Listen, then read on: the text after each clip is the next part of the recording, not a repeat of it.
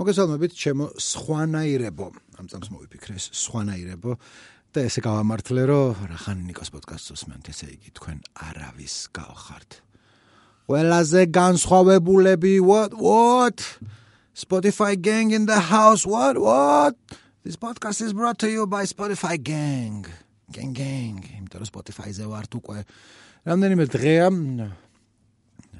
ანნა შოტაძე ჩვენი პოდკასტის ასისტენტი თუ რა ვიცი რა ოფიციალური თანამდებობა ოფიციალური არა აქვს მაგრამ რაღაც არა რა დავარქვათ რაღაც ხანია მიჩიჩხენებდა რომ დავდოთ რატო არ დავსო მე ამასობაში Spotify შემოვიდა საქართველოში მეთქი ხო ეხავს რაღაც პოდკასტებია და ჩვენი რატო არ უნდა იყოს იქ და აღმოჩინეთ რომ ძალიან მარტივი არის არაფერი არ უნდა ჩემითაც შემეძლო ანუ რაღაც პრაღას მიუწერეთ რომ როგორ მოხდა ეს ჩვენი პოდკასტი Spotify-ზე და თურმე აღმოჩნდა რომ არაფერი მე უნდა დავждე და გავაკეთო და გავაკეთე და გვაქვს და ხალხი გვისმენს უკვე 60 მოსმენა გვაქვს ორი დღის განმავლობაში რაც ალბათ კარგია წარმოდგენა არ მაქვს მანამდე სხვა სად ვინ როგორ უსმენს რაღაცა Spotify-ზე ხედავ სხვა შემთხვევაში უნდა მიწერო მოგწერონ მოკლედ არ ვიცი რა. რთული პროცესია და სტატისტიკას ვერ ხედავ ხოლმე და Spotify-ზე ხედავ იმიტომ რომ ჩემი ჩემილია შევიდე და შევამოწმო და ვარ მოხარული, მაგიტომაც Spotify gang მაგამ ბავში ვარ, ერთი უზარმაზარი პლეილისტი გავაკეთე, გავაზიარე ჩვენ საიტზეც და Facebook-ის გვერდზეც, ანუ ნიკოს პოდკასტის და საიტი რადიო თავისუფლება. აა რუბრიკაში რას მოусმინოთ და ბლომად სიმღერები მაქვს 500 400 რაღაცა, 500 ხარ რატომ მომატე, არ ვიცი, მაგრამ ნუ 500-მდე წავალ.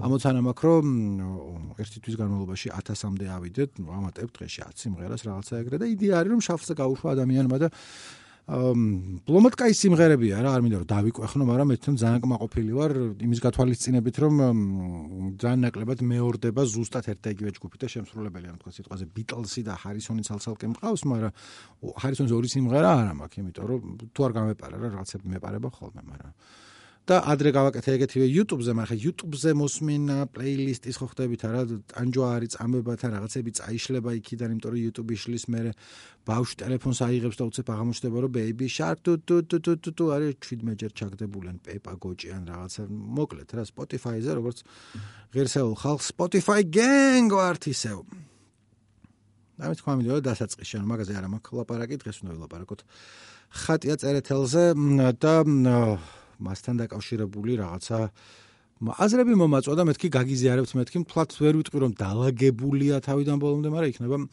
ერთად დავალაგოთ. ვინც არის ცნობთ ხატია წერეთელს ხატია წერეთელი არის ესეთი არაერთი მიმის შთაგონება რამდენიმე სიმღერა აქვს დაწერილი რომელიც არის ну ბევრი 1000 ნახვა აქვს YouTube-ზე და სავარაუდოდ თქვენც იცით, ანუ პირველი რაც მე ვნახე მისი იყო ძველი სიმღერა პრიკოლებში რო ჩითავდა ხოლმე crazy ერქვა ხატიას crazy მაშინ გვარით არ იყო ცნობილი I am such an dan dan dan dan dan dan თუ იმას უყურებდით კი ბატონოს მანდ იყო ერთი სერია მაგაზე. მე რეგ შეჩერდი გეყოფა ამდენი სისხლის ყვა გეყოფა კუბებზე თუ იყავით გეცოდინებათ ეგეც ხატია არის.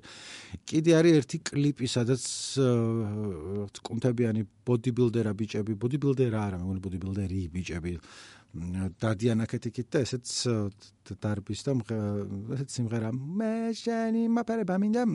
თავს ვერ დავდებ რო ერთი ერთზეა მაგრამ მე მხოლოდ ნავა ნავა მინდა. დამ დამ დამ ნავა ნავა მოკლედ. ხადია წერეთელი ასევე არის Facebook-ზე ბევრი აფოლოვებს და დადო ახალი სიმღერა სახელწოდებით ნაშა ბიჭები რომელიც არც მოგისმენიათ არ მოგისმენიათ ეს არის რა თუ არ მოგისმენიათ. ერთი კვირა არის ეს ამბავი ხდება ჯერ რა Facebook-ის გვერდზე და შემდეგ სხვა სხვა გადაცემებში იყო მისული და სად არის რატო არ ასმის ემტერ ხმა მაქვს ჩაწეული მოიცა ორი წამი გავუშვებ ანუ ხა ძალიანაც თავს არ შეგაწყნეთ მაგრამ თუ არ იცით რო იცოდეთ რაზე ლაპარაკი და თუ უკვე იცით და აგეკიდებათ და ბოდიში იმიტომ რომ ეგეთ სიმღერა აგეკიდება. თუ გონია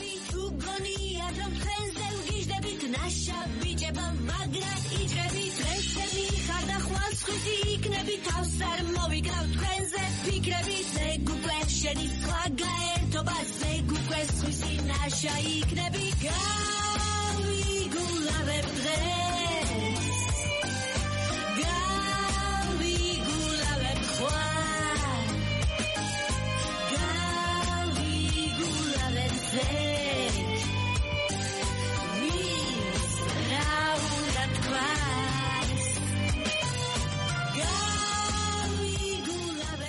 პრინციპი ხო სიმღერა ეს არის მე თავიდან იწყება და ერთ და იგივე მეორდება როგორც ჩავიათ ხოლმე პოპ სიმღერებს და არავინ ახლა კვადყოფელი არ იტყვის რომ კარგი სიმღერა ან რაღაც ის არის.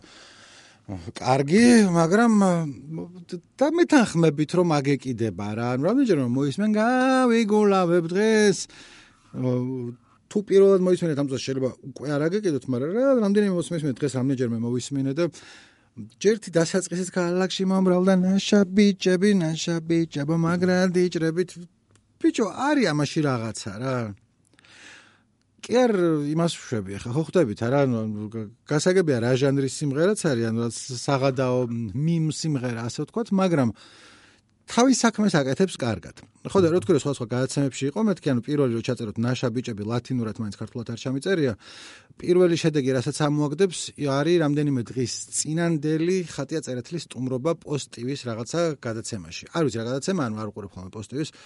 აა და ლაივი, აი ლაივი კი არის ხო ხმარო არის ჩართული და დგას ხატია და მღერის და გვერდზე გადაცემის წამყვანი გოგოა, რომელიც ნუ რო უყურებ, ხა არ ვიცი, დანარჩენი გადაცემა არ მინახავს და რა ხდება და როგორ არის, მაგრამ ნუ ურჩევნია რომ მიწა გაუსკდეს და ქვევით ჩაიტანოს და არ იყოს იქ, იმიტომ რომ რაღაცნაირად ეცინება თან ამ სიმღერაზე თან ხათია წერტილი შესახედავად თუ არ გინახავთ, ისეთ გამომწვევა დაცვია რა, ძალიან მოკლე შორტები, რაღაცნაირი ზევით პერანგი ტოპ პერანგი ან ვიცი ტერმინოლოგიაში ვერ ვკავი, თან ისე ცეკოს.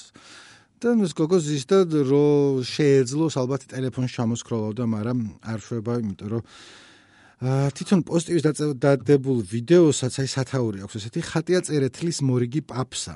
ნაშა ბიჭები, ანუ სიმღერაც არ აკადრეს. რაც იცი რა არის მაგაზე გავხურდი ცოტა რომ არა იმიტომ რომ მან ხატია წერეთლის უნდა გადავეფარო და თანამედროვე სლენგს გამოვიყენებ კიდევ ერთხელ Spotify gang ხო თქვი და არ ვე white night-ო, ვი white მოკლედ რა, არა ვარ მაგის დამცველი, მაგრამ იცი რა არის, აი რაღაც არ ვიცი, გადაცემა არ მინახავს, სხვა დროს რა ხდება, არ ვიცი, პოსტის არ უყურებ ხოლმე, მაგრამ ნუ შესაძლოა რაღაცნაირი გადაცემა იყო, ხო, გარშემოს როკოკო სტილის ნახატები და რაღაცა ქვია სიკეთე, გადამდებია სიკეთე, მარტივია, არ ვიცი. ანუ შეიძლება სხვა დროს ძალიან კაი გადაცემაა ხოლმე, მაგრამ აი რაღაცნაირად მომეჩვენა მაგ გადაცემაში რომ დასაცინოთ ყავდათ ხატია მიყვანელი და ეს სათაურიც რომ ეს მორიგი პაპსა მორიგი პაპსა განა არ არის პაპსა მაგრამ მეორე მხრივ რა არ არის რომ პაპსა ნუ იმის თქმა მინდოდა რომ ჯერ დასაცინოთ ვინმეს მიყვანის დედავატირე ცხოვრებაში. და თან ეს თვითონ ხატია წერილს რაღაცებს ლაპარაკობ რომ განა პაპსა არ არის ანუ როგორ არ არის და განა კარგი სიმღერა ახალაც მოვისმინოთ ახლა ვინოხერი ხო? ჯესტი არც არის მომღერალი რაც არ უნდა მღეროდეს ხოლმე სხვა სხვა სიმღერებს არც სიმღერა ხალხი და ადრე იყო ნიჭიერში თუ არ ვწდები ხო იცი შემდეგ ტურში რო ვერ გადავლენ ხოლმე მან მისული ეს ხატია წერეთელი და რაც ხაზგასმული იყო რომ ეს წამყვანები ეკითხებოდნენ რომ პროფესია რა გაქვს მასაჟისტი აბა გრძელი ფრჩხილები რატო გაქვს მაშინ და ნუ რა ვიცი გრძელი ფრჩხილები მაქვს რომ მასაჟის გრძელი ფრჩხილებიც არ უნდა ცხადია ხო იმიტომ რომ თითებით მუშაობს და ანუ ამ შემთხვევაში ინსინუაცია იყო კი არა და პირდაპირ მინიშნება იყო იმაზე რომ მასაჟისტი ამ შემთხვევაში არის ეფემიზმი და სინამდვილეში ხატია მასაჟს კი არ აკეთებს, არამედ რაც გრძელი ფრჩხილები აქვს და მასაჟს ვერ გააკეთებს. მე თვითონაც აღარ განვაგრძო, მაგრამ ნუ მანდ რაც გავიდა ტელევიზორში და რა პონტიც იყო, იმას გიყვებით რა. ხო და იმის თქვა მინდა რომ სხვა სხვა გადაცემებში ხო ჩითავენ ხოლმე ტიპები, რომლებიც სიმღერებით მიდიან. არა ხალხი წერს კი არა მაგ ლაპარაკი, მაგრამ აი სიმღერები რო არის უკეთესი არანჟირებით, კი არა და ნუ პროფესიონალური არანჟირებით, რო ვერ შეადარებ. რა ეს არის თან თან თან თან თან თან და იქ რა აი მუსიკოსმა რო იმუშავა.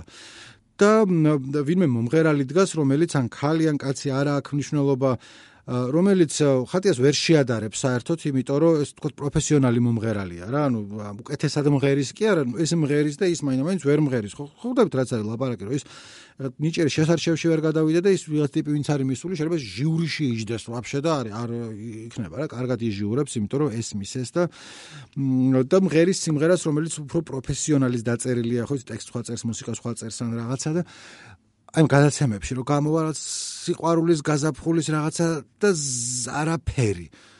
აი რამდენი ეგეთი სიმღერა გინახავთ რა ეს დაგამახსოვრდება რა გამი მე მხალთ რაღაც და ის ვიღაც ანუ კონკრეტულ ვიღაცაზე კი არ ვამბობ მაგრამ რამდენი არის ეგეთი რა არაერთი მომისმენია როცა გადამირთავს მაგდროს ან YouTube-ზე რო შეგხვდება ხოლმე რა აი რაღაცა ტანჯვარო არის რომ გაზაფხულის წვეთები მოდის შენ ჩემთან მორბი ხარ სადა ხარ თითქოს შორს არანაირი სმენა არ მაქვს ფეხზე მკიდია პოდკასტი მაქვს ვიმღერებ ხა აბსურდს. გემუქრებით წინასწარ. საიდან მოიტანსიო ნაფერებ ჰაერს? თან არანაირად არ გავს იმ სიმღერებს სადაც წინ იმღერიან მაგრამ კიდევ ერთხელ არ არის არ არის პრობლემა. ხოლო კი ჩემთან ჩამეხუდები შორს, სადა ხარ გაქრა ფიქრი შენზე ტრაგიკულად. ახლა მე ნორმალური სიმღერა დავწერე ფიქრი გაქრა ტრაგიკულად. სამუშაოა, მაგრამ მანდიდან რაღაც გამოვა რა. ნამქერი სემოიტანს შორს ნა ნა ნა ნა ნა ვაბი პიბლას უამრავი ესეთი კიდევ ერთხელ არც გამოჯავრება შემილი არც სიმღერა ვიცი და არაფრით არ აგავს იმ სიმღერებს რაზეც ეხა ხურდები ამ წუთას მაგრამ ხო იცით რაც არის ლაპარაკი კარგი მომღერლის, რომელიც აი ბარეორს აჯობებს ვოკალშიც და რაღაცა ექსპრესიაში და გამოცემაში, შესრულებული პროფესიონალური არანჟირებით დაწერილ დისკზე შეიძლება იყოს შესული და გამოსული და არაფერს არ გიტოვებს. ა გარდა ტანჯვის და იმისა, რომ ნეტა ამას არ ვისმენდი ამ წუთას, იმიტომ რომ არ ვიცი რას გრძნობდი, ან რაღაცა მოდის გერები და რო დაჯდე ანუ ცუდი ისა რომ ვერც შეედავები ვერაფერში ანუ ვერ ეტყვი ცუდად მღერი არ მღერის ცუდად იმენა არ მღერის ცუდად და რაღაცები არის ალბათ იმ არანჟირებაშიც რომელიც ჩააქსოვა ვიღაცამ რაღაცამ რა თვითონ აი არანაირი სიმღერა და თან ტიპები იცი რომ არ არიან ცუდები იმიტომ რომ შეიძლება კავერი იმღერონ გადასარევად და თავისი სხვა სიმღერა კარგი კონდეთ მაგრამ აი უამრავი ეგეთი ათობით აი რაღაცნაირი შოუების გინდა პოზიტივი იყოს, გინდა რუსთავიორი იყოს, თუ მთავარი იყოს, თუ იმედი არა აქვს მნიშვნელობა იმ რაღაც გადაცემებში, რომ ტიპები მღერიან ხოლმე აი რაღაცა სიმღერა თვითონაც რო იციან რო არ ვარ ახოხდები არა ნუ ტიპმა იცის და დაუწერე სიმღერა რაღაც ალბათ ფულით არის მაგაში გადახდილი მღერის და ვერც თვითონ ატრაკებს იმიტომ რომ არის რა სიმღერა არის რაღაცა და თუ ვერი მღერებ კარგად შენი პრობლემაა მაგრამ არ არის მარტო შენი პრობლემა იმიტომ რომ არ ვარ გაიქ სიმღერა და მაგის ფონზე ანუ აი სად მივდივარ რა შუაში აქ ხათია წერეთელი რომ მაგის ფონზე ეს ცუდად შესრულ ცუდად შესრულებულზეც არ არის არ სისწორეს არ გავარტყი. და ხო ხვდები ნანანი ნანა როგორ ნაიმღერო კარგად? არ ვიცი მე როგორ ნაიმღერო კარგად მაგრამ არის სიმღერა რომელიც ბევრად მე ნახვას დააგროვებსაც არ არ მომწონს რომ ვამბობ მაგრამ ბევრად უფრო დაგამახსოვრდება რომ ნახა უფრო სახალისო იქნება და უფრო ასეთ გაერთობი და ზოგი ვთქვათ ინგლისურის კალკი რო გადმოვიტანოთ რომ მასთან ერთად კიდე მასზე გაიცინებს, მაგრამ ბევრი მასთან ერთად გაიცინებს. თვითონაც ხო იცის რომ სასაცილოა რა, რაღაცნაირი ტიპი ხა არ ვიცნობ, ხატია წერეთელს რა ინტერვიუები მაგასთან ბევრი ნანახი მაგასაც ვერ ვიტყვი, მაგრამ რაღაც აქა-იქ რა თვალი მომიკრავს და ესეთია თავქარიანი ხალია, რომელსაც სიმღერების დაწერა მოწონს და უამრავი ადამიანი რომელიც მაგის სიმღერას უსმენს. ზოგი გადავით, ზოგი არ გადავით, მაგრამ გაცილებით უფრო დასამახსოვრებელია, გაცილებით უფრო, რა ვიცი, ღირებულია, სწორი იქნება. კი, სწორი იქნება, იმიტომ რომ გაგახსენა 5 წლის მერე რომ მოისმინო ეგ სიმღერა გემახსოვრება. ეს კრეიზი, რამდენი წლის წინანდელია? 1 8 10 წლის წინანდელი სიმღერა არის. და სად იყო კი ბატონო, რომ YouTube-ზე პრიკოლებში იყო ხოლმე და მანდან მახსოვს და რაღაცებს ვაჩვენებდი მეგობრებს და ყველა კაიფობთ რომ კლიპი აქთან სასაცილო ხატიას კრეიზი ჩაწერეთ რასნაირი. მ ეს ხატია და კიდევ ორი გოგო მანქანით მიდიან რაღაც ბიჭებს გაეპრანჭებიან და ბოლოში საქმე სექსზე რომ და მივიდეს ამ ბიჭს მიაბამენ საწოლთან და თვითონ გამოიპარებიან იმიტომ რომ am such a crazy girl and I like knowing because და ატომაც არა მეორე ახ მეორე თემაზე გადავდივარ. იგივე სიმღერა ხატია წერეთელმა პოსტიუმზე შეასრულა. თრიალეთი ტივიზე ის კი არა ვარ მემატიანე კი არა ვარ თუ რა ქვია ამაგდარი YouTube-ზე ამომიგდურა რომ ჩავწერე და იქ ჩანდა რომ ნუ ესეთ სათაური აქვს ხატია წერეთელის ახალი სიმღერის პრემიერა ექსკლუზიურად თრიალეთზე. ნაშა ბიჭები ესე აწერია და იქ არის გაცილებით უფრო ახლა TV თრიალეთია ნაკლები გაქანება აქვს ვიდრე პოზიტივის და ესეთი ფრონტალური კადრი არის ეს ხატიაზის სკამზე რომელიც ასევე ჩაცმული და თან ცეკვავს და თან ვითომ ღერის და გვერდზე ძალიან საყვარელი ბიჭია რომელიც ასევე წაუცეკვებს და თქო ეხლა რა უყურე ბოლომდე არ იცის რა უნდა გააკეთოს როგორ მეც ეგრე ვიქნებოდი მაგრამ მოძრაობს და ასევე არტოებს თავეწლებას რომ ზევიდან უყურებს ანუ მასთან ერთად იცის кайფობს თვითონაც რა ხატიას кайფობს ეს кайფობს და რომ უყურებ უფრო სასიამოვნო სანახავია ვიდრე რაღაცა განცდა რომ აი ხატია კი მოვიყვანეთ და ვამღერებთ ამ სოციალური მედიის დედა რო ვატირე, იმიტომ რომ ვიუები და ნახვები გინდა, მაგრამ ჩვენ რეალურად მასზე მაღლა ვდგევართ თუ რაღაცა პოზიტივიზე როცა ამბობენ, არ არის ეგ სწორი, იმიტომ რომ რატო განახატიაზე მაღლა. ვენაცვალე ხატიას. და სად ვიყავი ხო და ხო თრიალეთზე ისეთი არის რა ეგალიტარული ატმოსფერო არის უფრო და მან ჩამოყევ კომენტარებს ანუ მან მე კომენტარებს ჩავხედე იქ პოსტივზე გათშულია კომენტარები მეთქი რას წერენ და ყოველას გაგაცნობთ. 13 კომენტარია სულ. ნინო უწერ თქვევით აი თრიალეთის ვიდეოზე რომ აუ ეს ბიჭი ვერ გაიგო ხელფეხი საწაიღოს რომელიც ხო ვერ გაიგო მაგრამ ნუ არც ეგრე არ არის რომ ძალიან რაღაცა ის ნორმალურად ზიზეთ ლობს რომ გაერთოს ხატიასთან ერთად დაანებეთ მაგბიჭ თავი. ვინც რა უნდა თქვას, რამდენად სწორია ეს წინადადება, წერს შემდეგი არ არის მაგისი თავარი ნაკლი მაქსიმღერის. ვიღაცა უწევს რასაყვარლები ხართო და მე რამდენიმე არის, ნუ ერთი ალეკო წერს მიყვარხარ, რაც ცოტა მეტის მეტია. მარიამ წერს რეალობაა. კარგს იზამხატი ღირსია ეგ ყველაფრის ვინ? ეგ აგვერძე ბიჭი. იმიტომ რომ galaxy მომრავლ და ნაშა ბიჭები რომ ღერისთან თითით აჩვენებს იმ ბიჭს იმიტომ რომ რა ვიცი გასართობია რა. და ერთი ანონსს ბერს გულზე მოხვდება 100% სიმართლეს მღერის სამწუხარო დღევანდელი რეალობა. სამწუხარო დღევანდელი რეალობა არის ჩემი საყვარელი ფრაზა რომელსაც Facebook-ზე და YouTube-ზე ყოველდღე შეხვდებით. ხალხს ვერ მოატყუებ და ხალხი დაიღალასთან ერთად რა სამწუხარო დღევანდელი რეალობა? რატო აღიქვამთ ესე? კიდე ერთი უწერს ეს ბიჭი რას იკლარწება ძველი გოზინაყივითო იცი რა არის რაღაცას ფსევდოსოფლური გამოთქმების დედავატირე იმიტომ რომ ძველი გოზინაყი არ იკლარწება საერთოდ. ანუ მეტაფორა არ მომეწონა ეხლა მოდი დაუწუნებ lost ვიღაცას and confused მეტაფორას იმიტომ რომ ძველი გოზინაყი საერთოდ არ იკლარწება გამაგრებულია და დევსიქ ახალი გოზინაყივით კიდე შეიძლება, იმიტომ რომ ჯერ გამაგრებული არის და ტყლუმწს აკეთებს და როგორც შეიწუხა თავი კომენტარის დაწერით, ისე მე არ მეზარება, რომ ვაკრიტიკო იყოს რენდომ ტიპების კომენტარი YouTube-ზე მეტი უკეთესი საქმე რა გაქვს, მაგრამ ეგენი მაგიების გამო არ მithქვამს. ბოლო ორი კომენტარია, რომელიც სხვა კუთხიდან კიდე დაგვანახებს. ხატიას ფენომენს არა, ზოგადად რა ქვია მაგას rape culture გაუპატიურების კულტურა. ვერ ვიტან ტერმინებს რომელიც ქართულად ადეკვატურად არ ითარგმნება და გაუპატიურების კულტურა რაღაცა ცუდა ჟღერს მაგრამ აი ნახე. ლაშა წერს ბიჭო შენ შიქ ხო არ გაქვს გადააწვინე სიცილით. და მეორე გეოგეიმერ რაღაცა ნომერი წერს მიარჭე ბიჭო რავა იწელები ხატიასავით. ანუ ორი კომენტარი რომელიც ტიპმა შეხედა ვიდეოს სხვა სხვა ადამიანმა და თქვა რომ ეხლა მანდვე რატო არ გაქვს სექსი ხატიასთან ამ წუთას? შიქ ხო არა გაქვს რაც არის საერთოდ რატომ უნდა გაგიჩნდეს ეს თავში ეს აზრი? ხო მაგრამ რატომ მოიყვანა ესენი არა იმიტომ რომ ვიღაცა ნახე კომენტარებს რას წერენ? სამწუხარო დღევანდელი რეალობაა დღევანდელის და გუშინძელი და გუშინწინდელიც იმიტომ რომ ხა ეს კონკრეტული ტიპები ხო რასნაირი სირები არიან იმიტომ რომ რატო წარმოუდგენიათ რომ პირდაპირ ეთერში უნდა გადააწვინოს ხატია ან იქნება ქვევით ერთი კომენტარი რომ მაგამ რა უნდა მიარჭოს ეგ თვითონ მისარჭები ანუ რასნაირი ისეთი არა ხიარული ბიჭია ანუ გეიაო თქვა შესახედავად თორაც არ ვიცნობ იმ ბიჭს.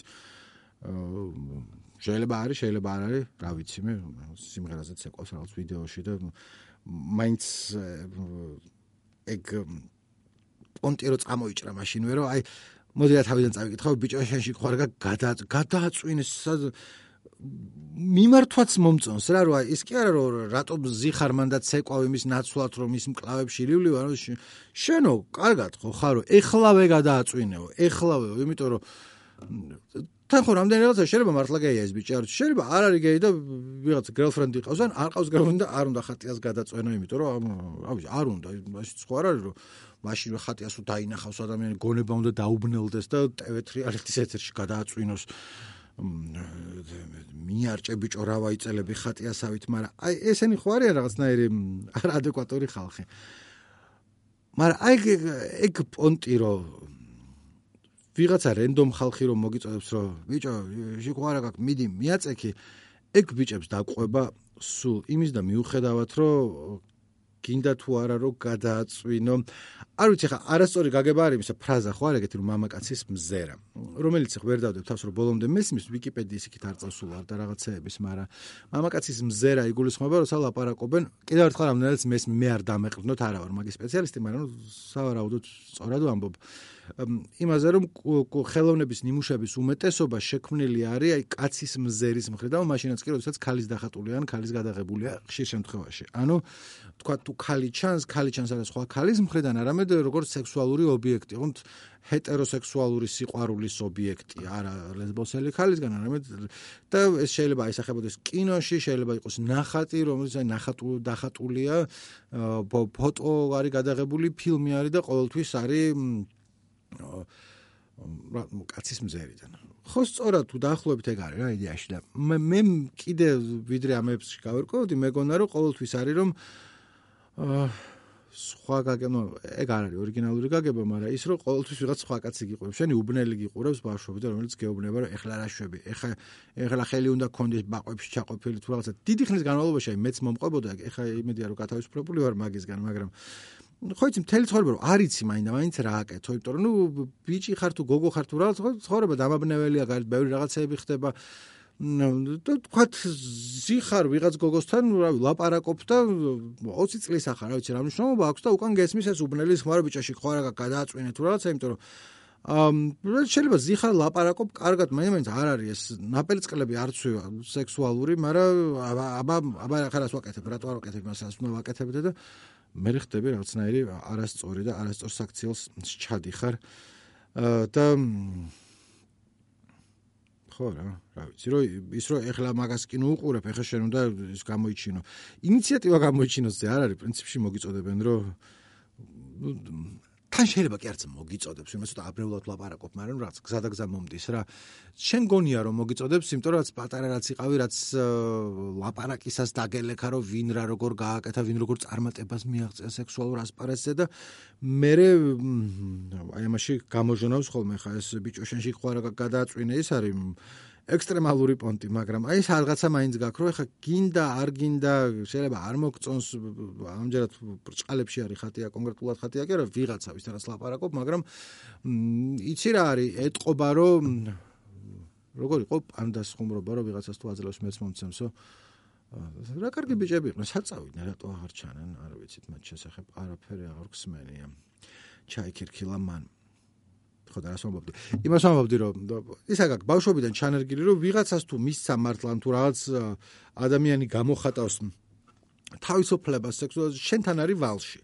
რომ სხვასთანაც თუ იყოს შენც უნდა გადააწვინო ეხა იმიტომ რომ თან შეიძლება არ გინდა მაგრამ ნუ მაინც უნდა გადააწვინო იმიტომ რომ იმისი ნაწილია ადრე მიყვებოდა ერთი მეგობარი რომ ქუთაისში არის ეგეთი პონტიო ეს არ ვარ დარწმუნებული რომ არის მაგრამ ან მაინც ქუთაისში რატო არის შეიძლება თბილისის უბნებშიც იყოს რა. თქვა პარკში გოგოს თუ ესავებიო, შეიძლება ვიღაცა მოვიდესო და უთხრას რომ ესო გითხრას რომ ეს გოგო გამაჟიმინეო და შენ თუ ეუბნები რომ შეყვარებული, ანუ შეყვარებული რანაირად არის პარკში რატო ზასაობ მაშინ საჯაროდ, ხო? ან საერთოდ რატო ესავები თუ შეყვარებულია, მან სხვა ის უნდა კონდეს კდემა. და თუ არ არის და შეყვარებული თუ არ არის და ესავები, მაშინ ჩვენ რითი ვარ თუ არ ესები, ანუ რა რატომაც არაო. კარგად ვერ ახსენიან, შეიძლება ზუსტად ყველა ასპექტი ვერ მოვიცანია, მოვიცავე ამისი, მაგრამ ნუ კარგა 10 წლის წინ რაღაცა მომისმენია როგორც ხუმრობა რა, მაგრამ ასევე არა როგორც ხუმრობა, არამედ როგორც რაღაცა რაც შეიძლება მართლა ვიღაცამ გითხრას. და ეგენი მომაწვა რა, აი ბევრი რაღაცა რაც ეს კომენტარები რო წავიკითხე, რომ ეხლავე რას ელოდები? რას ელოდები მანდროზი ხარ ბიჭო, რომელიც ცეკვავ წამყვანო ამასთან ერთად ეხლავე გადააწვიდე. რა საშინელებაა რა. და იმას რომ მოუბრუნდეთ ხალხია წერეთელს. ძალიან ადვილია რომ ზევიდან შეხედო. ეს ტრეშია ეს უბრალოდ პაპსარი, მორიგი პაპსა ჩვენზე ქვევით დგას. რომელიც კიდევ ერთხელ დგას, მაგრამ არავინ არ თქვას რომ ბევრი უკეთესი სიმღერა გადის და ეს უსამართლოდ გამოეჩრო წინ. იმის ფონზე ვამბობთ, რომ ესტრადას კი არ უყურებ ზევიდან. ხა ვინცაც მოგისმენია ჩვენთვის და რაღაცა ქართული ესტრადის ძველის და ახალიც ვცდილობ ხოლმე რომ პატივისცემით მოვეყო და რაღაცები მომწონს და რაღაცები რასაც არ მომწონს ვაფასებ, მაგრამ აი მართლა უამრავი სიმღერა, რომელიც არაფერს არ აგავს, არც დაგამახსოვრდება, არც ემოციას მოიტანს არაფერს და მგონია რომ ყველა იმსახურებს, რომ ზევიდან არ უყურო და ამ ხრივ ეხლა ნახე ეს არის ჯობდა რომ პაუზა გამეკეთებინე თუ შემდეგ თემას ვიწყებ მაგრამ ნუ არ გავაკეთე და უკან აღარ დავიხევ მაგასთან დაკავშირებით ამ ხრივ ბოდიში მაქვს მოსახდელი მე რაც ამ ვცდილობ ხოლმე რომ არ გავაკეთო მაგრამ ეხანდელი ამბავი არ არის თან მოკლედ ამას წინათ ამას წინათ შეიძლება შარშან იყო თუ რაღაც რამდენიმე თვის წინ მაგრამ ეხლა გამახსენდა წავიკითხე რომ ერმალო მაღრაძე რეჟისორი იყო პირადად ჩემზე ნაწყენი. სადღაცა ქონდა ნახსენები, ნიკონ ერგაძემ თუ რაღაცაო რო თქვა, ნუ ნაწყენი ტონით ეწერა, ნუ არაფერი ცუდი არა, პირიქით როცა წავიკითხე, არ მახსოვს ფრაზა ზუსტად, ძებნა აღარ დავიწყე, იმიტომ რომ არ მომინდა, მაგრამ მივხვდი ერთი რაზეც იყო ლაპარაკი და მეორე ძალიან ისეთი ზომიერად და ადამიანურად ნაწყენი ხმით იყო. დაწერილი და მართალი იყო თან იმიტომ რომ ბოდიში მაქვს მეთქი მოსახდელი მაგის თქმა მინდოდა. რაზე იყო გაბრაზებული რომ ერთ-ერთი პირველი გადაცემა რაც მქონდა ერთ-ერთი პირველი არ იყო 6 წელია თურმე ეს პოდკასტი მაქვს ამას წინა ჩამოსკროლე. და რა ხანი პაუზა მქონდა და მე თავიდან დავიწყეთ და მე და დათო გორგილაძე რომელთანაც რამდენიმე დასამახსოვრებელი ჩემი აზრით და კარგი და პირველი სტუმარი ჩემი გორგილა იყო და მე თავიდან რო რებუთი გქონდა მანდაც გორგლაძე დაუძახე და რასნაირად ტრეშ ფილმებზე თუ რაღაცაზე ვლაპარაკობდით და ერმალო მაღრაძის ფილმი ვახსენეთ რამდენიმე სადაც როგორც ხა მახსოვს არც თუ მთლად ადეკვატურად ან სწორად მოკლედ აგდებით ვილაპარაკეთ და არ ვიყავით მართლები არც ერთ და მეორე. ეხლა ბატონი რამალო რატომ მაინც შემზე გაბრაზდა და არა გორგილაზე იქ არ ვიცი, იმიტომ რომ ეჭვმა ხო იმას მეტი ქონდა რაღაცა ცუდი რა თქვა მიდრე, მაგრამ ნუ მეც იქ ვიყავი, ავყევი და არის ვქენი შევწმინდი ეხლა ხელები, მაგრამ რატომაც არა. არ არის აქ. რო ყოფილიყო, მაინც შევწმინდი. აა, იმის თქვა რომ ელმარ მაღლზე იყო მართალი. არა იმიტომ რომ მაინც მაგის ფილმი უნდა მომწონებოდა, რომელიც არ მომწონს არც ახლა და მე რა. მაგრამ ის არის რა რადგანაც მინახავს, კარგი ადამიანია, უფროსი ადამიანია, არ იმსახურებს იმას, რომ ვიღაცა ჩემ ტიპის ადამიანმა აგდებით ლაპარაკოს ა მის რეჟისორულ შესაძლებლობაზე. იცი რას ვამბობ ახლა კიდევ ერთხელ, რომ არ ვიხევ ხოლმე უკან არანაირი კრიტიკისგან და კი არა, ან ფილმი მომწონს, ან არ შეიძლება რომ ფილმს დაცინო, ან სცენას დაცინო. მე სულ ვცდილობ ხოლმე რომ განსხვავება მქონდეს იმაზე რომ თქვათ რაღაცას ნუ ხანდახან წარაერ მაგ ხოლმე რა და თან აზრები მაგ ბევრ რაღაცასთან დაკავშირებით და შეიძლება რაღაცაზე გავჭედო მაგრამ ა სულ მგონია რომ სწორია რომ თუ რაღაცას თქვათ აიგდებ აიგდო ნამუშევარი და არა ავტორი იმიტომ რომ იმიტომ რომ ეგრეა რა ნუ ა აი ეს მომღერალზე რო ალბათ არც იცის როგორც სიმღეროს არ იქნება იცის. ანუ კარგი უნდოდა რა არ გამოუვიდა კარგი. და ის რაც არ გამოუვიდა კარგი ვიღაც წარმოსახით მომღერალზე მაგ ხალ ლაპარაკი შეგელია აიგდო აბურთავ ჩემი მხრით. არა ეს არის მოსულა ეგა. მაგრამ კონკრეტულად რაც არის ის შეიძლება აიგდო და არა ის რო ტიპი ვინ შექმნა. ხო და ხო და მოკლედ ეჭვი მაქვს და კიდევ ერთხელ აღარ მომისმენია თავიდან იმიტომ რომ რახან ნაწყენი იყო ალბათ საწყენიც იყო მეთქი და და თუ შემხთა სადმე ბოდიშ ვეტყვი იმიტომ რომ არ არ იმსახურა შემხთან აგდებულ ლაპარაკს. მით უმეტეს რომ რა ვიცი კარგი კაცი ჩანს საყვარელი ადამიანი რა პონტია რა? და ნუ ნუ თუ მე მომინდა რომ ფილმზე ვიკაიფონ სცენაზე მაგალითად ამერიკის ბანკის ბოსტონის ფილიალის ძარცვის სცენაზე და ეხა ეგ ვინმე შეწყინა ნუ ეგ მართლაც ივიწყალი ლალიონე გარ არის პრობლემა იმიტომ რომ მე თქვა მაგას ვთქვი ხოლმე რომ მე მგონი ის გვისმენთ კრიტიკულის ბევრი მოგესმენთ ჩვენგან რაღაცეები, რომ რაღაცა მომეწონა, რაღაცა არ მომეწონა, იმას ვდებ, მაგრამ რაღაცნაირად ვთქვი ხოლმე, რომ ადამიანი ვიზაც ვლაპარაკობ, ან ვის შემოქმედებაზეც ვლაპარაკობ, აქ რო იყოს მომენტ ვეტყოდი თუ არა. სიტყვაზე რო დავთვრე რა, შეიძლება ფხიზელმა თავი შევიკავო, მაგრამ უფრო რომ მოშვებული ხარ და უფრო რომ გახსნი და თუ გონია რომ აქ რო იყოს იმას არ ვიტყოდი, ყოველთვის არ გამომდის, მაგრამ მინდა ხოლმე რომ არც ვილაპარაკო მაგაზე ეთერში. და ეჭვი მაქვს რომ კიდევ ერთხელ აღარ მომისმენია თავიდან, იმიტომ რომ აღარ მინდოდა რომ მომისმინა, ბატონ ერმალო რომ აქ ყოფილიყო, რაღაცა ისეთები ვთქვი, რაც არ ვიტყოდი ოთახში რომ ყოფილიყო და ნუ ბოდიში მაგის გამო თან მithumetes რომ იცი რა არის, ხა ესე ხატია წერეთელსაც მოუბრუნდები რომ რა ღირებული რა არის და რა არ არის. ეს თავიდან აღარ ჩავთო, არ ჩავამიწერია ნანახი გექნება ყველგან მიმები იყო სულ ყველგან და ქუბები ამერიკის ბანკის ბოსტონის ფილიალის ძარცვის სცენაზე, რომელიც სასაცილოა, არარეალისტურია, რაღაცნაირად არის გადაღებული, მაგრამ და ბევრ თქვენგანს გაქვთ ნანახი ფილმი, საიდანაც არის ამოღებული ეს სცენა, ფილმერი გზააბნეულნი, რომელიც მე რო დავფიქრდი, თავიდან ბოლომდე არ მინახავს, დავიწყე ყურება და რაღაც მომენტში მე მეთქი რეცენზია ხო არ დავწერო ან კიდე არ ვილაპარაკო იმიტომ რომ გონია რომ გზაბნეულნი არის გაცილებით უფრო ღირებული შეიძლება არა როგორც თქვა კინო ან არა შეიძლება კი არა ნუ არა კინემატოგრაფიული თვალსაზრისით არამედ რაზეც არის იქ თხრობა. თუ არ გახსოვთ რა ხდება? ნუ დასაწყისში ეს ორი გმირი ვინც არიან მე ფილიალს რო ძარცვავენ ვირტუალურად. არიან დასაქმებული ტიპები რომელს ორივემ დაკარგა სამსახური და როგორც მან ჩანს პერიოდი არის ვარდების რევოლუციიდან ცოტა ხნის შემდეგ ეგრეთ წოდებული ჩარეცხილების თუ ჩასარეცხების ფაზა რომელიც თუ პატარა ხარ და არ მოსწრები ხარ იყო თავის დროზე და დღემდეც რჩება ძალიან კონტროვერსიულ და ძალიან საკამათო რაღაცად. რაღაც მომენტში მიშა სააკაშვილმა ახსენა ვიღაცებზე რომ ეგენი არიან ჩასარეცხებიო ზუსტად კონტექსტი არ მახსოვს და შემდეგ იყო რამდენადაც ხვდები ცოტა კონტექსტთან არის ამოგლეჯილი და არ იყო ნათქვამი ისე როგორც გაიგო ბევრმა, მაგრამ რა მნიშვნელობა აქვს? ბევრმა ისე გაიგო და კონტექსტიც იყო ეგეთი, რომ ეს ვარდების რევოლუციის შემდეგ სიტუაცია შეიქმნა ისეთი, რომ უფროსი თაობა 40 გადაცილებული 50 გადაცილებული არიან ჩასარეცხები, იმიტომ რომ არიან საბჭოთა მემკვიდრეობა, შევარდნაძის მემკვიდრეობა და ეხა ჩვენ ჩვენ უნდა ჩვათ მყობადი ახალი ხალხი უნდა მოვიდეს და იყო აღქმა ესეთი, თუმცა სტატისტიკა არ მინახავს, მაგრამ ეჭვმოქრო სტატისტიკაც ამყარებს, რომ სხვადასხვა საჯარო სამსახურის სხვადასხვა დაწესებულებებში, უნივერსიტეტებში, რაღაცა ინსტიტუტებში, ფიზიკა, აგა ბევრგან, მოკლედ, სადაც როგორც წესი ხალხი მუშაობდა 30 წელი, 40 წელი კომუნისტებიდან მოყოლებული მაგას აკეთებდნენ, ისინი გაუშვეს და ახალი სისხლი მოიყვანეს, იმიტომ რომ ისინი რაღაცნაირად დაჭაობებული იყვნენ, რა ჩასარეცხები იყვნენ. რასაც ქონდა ძალიან ისეთ დღემდე გამოძახილი ანუ კიდევ ერთხელ ნახე მე როგორც ისტორიის კითხვის მოყვარული ვაცნობიერებ რომ რამდენად ეგრე იყო რამდენმა პროცენტმა დაკარგა სამსახური რამდენი ახალი პროცენტი ეგენი არ ვიცი მე მაგრამ მახსოვს განწყობა რომელიც იყო რომ ეს ხდება. და დამოკიდებულებამ განწყობის პრობლემა მათ შორის უფროსი ადამიანებს ხდება ბევრი ამბობდა რომ მომენტ სწორია და მე გულწრფელად გეტყვით რომ აი რა ვიცი რა ორივე მხარეს ვიყავ გულწრფელად გეტყვით და მე არ თქვი რომლისკენ ვიყავე მაგრამ აი იყო რამანდ რეზონი რა ანუ არა ჩასარეცხების გამოყენებაში, მაგრამ სიტყვის რო რა რა წესია ხა ადამიანებს ეგრე ლაპარაკი, მაგრამ იმაში რომ ხშირ შემთხვევაში ბევრ დაწესებულებაში ხალხი ყოველ შემთხვევაში მენეჯმენტის თავში იყო შესაძლებელი. იმიტომ რომ დიდი ხანია იყვნენ იქ და ახალი დრო იყო მოსული და ახალი ენერგია იყო საჭირო. ანუ ეგ მაგაზე მაინც არც არავინ არ დაობდა, იცი, მათ შორის არც უფროსები.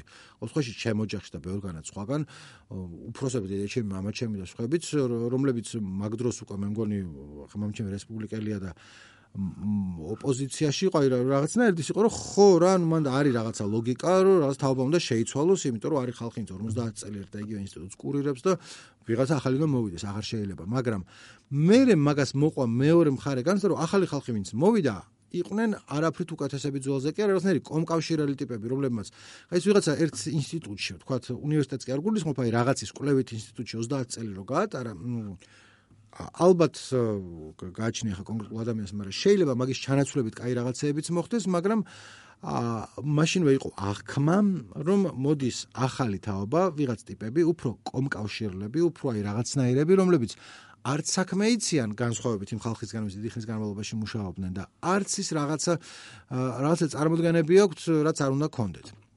და ეჭვი მაქრო გააჩნია ადგილს რა. იყო ადგილები, რომელიც ახლა ვიცი პირადი გამოცდილები ხო ოჯახში ან რაღაცა რომ ვიღაც ახალი ტიპი მოვიდა, რომელიც გაგნებაში არ არის იქ რა ხდება და ისევ ძველ შტატებს ეყნობა და იყო ადგილები, სადაც კაი კარგი მოხდა რომ შეიცვალა და ახალი ვიღაც მოვიდა და უკეთესად გააკეთა ვიდრე ძველი აკეთებდა. მაგრამ მაგაზე არ არის ჩემი დამოკიდებულება მე ასე ხარისხოვანია მით უმეტეს რომ აქაც რაღაცნაირად გამოძვეი ცოტა იქიდან იყო ცოტა აქედან მაგრამ ეგრე იყო და ნუ გამიტრაკეთ საქმე ამ რაღაცა იმითი რომ აუცილებლად უნდა დროშა ავწიო ვიზგა გამათებით არის კომენტატორებს რაღაცებს რომ თქვენ არ ახართ თქვენ გაიღალხართ პოდკასტის მენელები თქვენ სხვანაირები ხართ ძმანო და დანო ხო და ეხლა რაც მოყევი ერთადერთი ფილმი რაც მინახავს სადაც ეს განწყობა რომ წინათაობა ჩაირეცხა და ჩაირეცხა უსამართლოდ ერთადერთი ფილმი რაც მინახავს არის გზაბნეული რომლის პირველი ექსპოზიცია თავიდან როგორც იწება რომ ამათ სამსახურიდან უშვებენ და სხვები მოდიან მაგათ ადგილას არის ჩემი აზრით ძალიან მნიშვნელოვანი დოკუმენტი იმისა როგორ უყურებდა უფროსი თაობა რომელსაც წარმოადგენს სამშობლოში ერმალო მაღლაძე მაგრამ არა მარტო ბევრის განწყობა იყო ეგ რა. ხა რამდენად კინოს ენაზე არის გადმოცემული სხვა საკითხია, მაგრამ ნუ ეგ განწყობა იყო, ძალიან მნიშვნელოვანი განწყობა იყო, დღემდე არიან რო ჩაწერო ხა შემოსვლის წინ ჩავწერე ჩასარეცხები, იმიტომ რომ არ მახსოვდა ზუსტად წინადადება რომელიც თქვა პრეზიდენტმა მაშინ, ან როდის თქვა და ბოლო ლინკები, რასაც ამომიყრიდან მაგაზე ლაპარაკით იყო 2021 წლის. ანუ დღემდე არის მნიშვნელოვანი ესა და დღემდე არის განხილვის საგანი და არ არის რაც თქვა ცალსახად ზუსტად რა კონტექსტში ხმარა პრეზიდენტმა, იმიტომ რომ ეგ განწყობა ბერამდე უნდა გავიმაგრო ხერთა იგივე. მაგრამ იმის თქვა მინდოდა რომ ეხლა ხო ამერიკის ბანკის ბოსტონის ფილიალის ძერცვა, მაგრამ ერთ-ერთი ფილმია სადაც აი ეგ რაღაცნაირი ეპოქის სულისკვეთება, რამდენიმე წლის სულისკვეთება, რომელიც იყო კონკრეტული მხრიდან არის დანახული და ნაჩვენები. არ უბრალოდ სწორი მხრიდან მაინდა-მაინც, მაგრამ არც იმას ვამბობ, რომ არასწორი მხრიდან, იმიტომ რომ ბევრი ფიქრობდა ეგრე რომ აი მე გამიშვა სამსახურიდან და კაი ბაზარი არ არის გადავალ და დაუთმობ გზას ახალ თაობას. მოვიდნენ მაგრამ ეს ვინ მოვიდა ეს ლაწირაკი ეს რაღაცნაირი გალსტუკიანი ეჭხლა გავაკეთოთ და რაღაცა კომკავშირი ხო? და ეგ არის მაგ ფილმში და სხვაგან არ არის. და რაღაც დროს რო იყოს თქვა ბრჭყალებში სისხლიანი წაწელიან ბრჭყალებს garaშე ქართულ კინემატოგრაფში ან ხელოვნებაში უამრავი რაღაცები დაგროვდება კლიპები რომლებიც მიშას დროს არის გადაღებული ასევე ფილმები რომელიც მაგ დროზე არის გადაღებული და ერთ-ერთი აი კარგი განსახილველი მსუყე თემა იქნებოდა გზააბნეულნი რომელიც მირჩევნია ბევრ არაფრის მთქმელ მაგდროინდელ ფილმს, რომელიც უკეთესად არის გადაღებული, უკეთესი რეჟისორის, უკეთესი მსახიობებით, უკეთესი საუნდტრეკით, უკეთესი მონტაჟით, საერთოდ სულ ყველაფერი უკეთესი, მაგრამ ხატიას სიმღერისა და იმ ვიღაცად აქაც არ ვასახელებ კონკრეტულს, რომ არავის კონკრეტულად არ გულისხმობ, მაგრამ ნუ ხო იცით რაზე არის ლაპარაკი, ხო გინახავთ რაღაც ფილმები რომ უყურებ და ამას მერჩევნა რომ გზააბნეულნი მენახაო. ეგრე არის ხატიას სიმღერას, რომელიც მე ხო არ არ არის. კაი ის არ არის. fade out again. ეს ტექსტი რო არ მეთქვა ვერავინ ვერ მეხვდებოდა რა სიმღერა. იმიტომ რომ არ ვარ კარგი მომღერალი და მით უმეტეს ეს რაღაცა გიტარა რო არის. Greenwood-ის street spirit-ში მაგას პირით ვერ გავაკეთებ. შემიძლია რაღაც სხვა რაღაცები გავაკეთო. მაგრამ გიტარას ვერ ვაკეთებ. ხო და არ ვიცი კიდევ ვინ გავაბრაზე ცხოვრებაში? აუ, არ თქონც არ მომიყოლია თაკო გაჩეჩილაძე რო გავაბრაზე. ისე რომ მე თვითონაც არ ვიცოდი. თაკო გაჩეჩილაძე მომღერალი 3G-ს ერთ-ერთი წევრი ევროვიზიაზე იყო ჩვენგან წასული, ერთ-ერთი ცნობილი მომღერალი, რომელიც ბოლო დროს ასაკეთებს არ ვიცი, აღარ მინახავს, მაგრამ ალბათ სიმღერებს წერს გამოდის მოკლედ. ეს იყო რამდენი წლის წინ, შეიძლება 14-15 წლის წინ. ჯერ კიდევ ანუ სამი გოგოც არ იყო და მოკლედ ანაბეჭში წერდი რა სტატიებს და ერთ-ერთი სტატია მქონდა რაც ფსევდო მოვლენებს რა რა სიმულაცია და სიმულაკრას პონჩი არ იყო მაინც გადასარების სტატია. უბრალოდ რა მაგალითები მქონდა მოყვანილი ქართული რეალობიდან სამწუხარო დღევანდელი რეალობიდან და ერთ-ერთი ასაც ვამბობდი მაინც ნეგატიურადაც არ მეწერა იმიტომ რომ არც რო თქვათ არის მომღერალი თავგაჩელზე რომელიც დარწმუნებული ვარ იცით მაგრამ შეიძლება უფრო მეტმა იცოდეთ სახეზე ხუჭუჭად მის და გარეგნობის გამო ვიდრე სიმღერა იცოდეთ რა მეთქო და. თავს დავდებ რომ მართალი ვიყავი მაშინ თუ რომ მე კი ქონდა რაღაცნაირი სიმღერები რომელიც მეტმა ადამიანმა იცოდა და სიმღერით მაგრამ მაშინ ხა მე თვითონ არ ვიცოდი სხვა სიმღერა. ერთი ეგ მეორე ხა თავს რატო ვიმართლებ იმიტომ რომ შეიძლება არც ყოფილიყავი სწორი მაგრამ განსაკუთრებულად ცუდი და საწყენი არ მგონია რომ რამე ქონდა იქ დაწერილი თავგაშელოზე სხვებზე მეწერა კი. რაღაცებს არ მახსოვს ვინ იყო მაგრამ რაღაცა ხო შეიძლება წაიკითხო და არ გესიამოვნოს მაგრამ ესეც ახლა მე გადავხედე და ვიფიქრე ხო რატომ და ეწყინოს ადამიანს. ეწყინოზე რა იყო რომ დამირეკა რაღაცა ვიყავი ჩემ საქმეებზე და ტელეფონი მინახავს ავიღე გამარჯობა ნიკო ხარ ნიკო ვარ თაკო ვარ გაჩეჩილაძეო და მეტიო აღარ გაბედო ჩემი სახელის ხსენებაო არსადო თორეო. ეხა უბრალოდ ჯიგრულად ვეკავ, არ ვთქვამს ჯიგრულად ვეკავ, მაგრამ ნუ აზრი ეს იყო რა და უბრალოდ გეუბნებიო რომ აღარ გაბედო. კაი მე შეიძლება გავბედო არც დავიბენი ძალიან. და მეთქი ხო კაი მეთქი რა. მე კაცი შემე კაცი შემე და მეთქი არ ვაპირებდი ხსენებას ეხა ჯიბრზე არ წავალ და კიდე რაღაცას დავწერ მომღერალზე რომელსაც მაინც არც მაგ არაფერი არ მქონია არც საწინააღმდეგო არც მოსაწონი არ ვიცოდი მაგის სიმღერა ჯერ. მე მოვისმინე მაგრამ ხო. შეიძლება გაგის საჭირო ნამდვილად თაკოვაჩის ლადა იყო და არ ვიცი ხმაზე ვერ ვცნობ მაგრამ ალბათ იყო იმიტომ რომ გაბრაზებული ადამიანი იყო ვინც დარეკა და სავარაუდოდ იყო და ვერ მივხვდი რა უნდა და იმიტომ რომ არც ისაც მაგის ჟამთან აღწელობას არ ვაპირებდი ერთი. მეორე მართლა არ იყო ესეთი რომ რაღაცა რატო მაწყენი მაწყენი ხმა ქონდა. და გასხოვთ ერმო მაღრაძისგან ახაც ის არის რომ არ იყო საწყენი ჩემი აზრით და ეს არის ჩემი ბოლო სიტყვა ამასთან დაკავშირებით. რაცნაირად ამასაში 40 წუთი გავიდა. რეები რეები რა ხა ჩამწელი მქონდა ხო იცი ის არ არის რომ მქონდა გეგმა. რაზე უნდა მელაპარაკა რა თემები უნდა მომეცვა და მე მგონი მოვიცვი კიდევაც. აა მადლობა ვინც ბოლომდე მოგვისმინეთ. და აი კარგად იყავით დროებით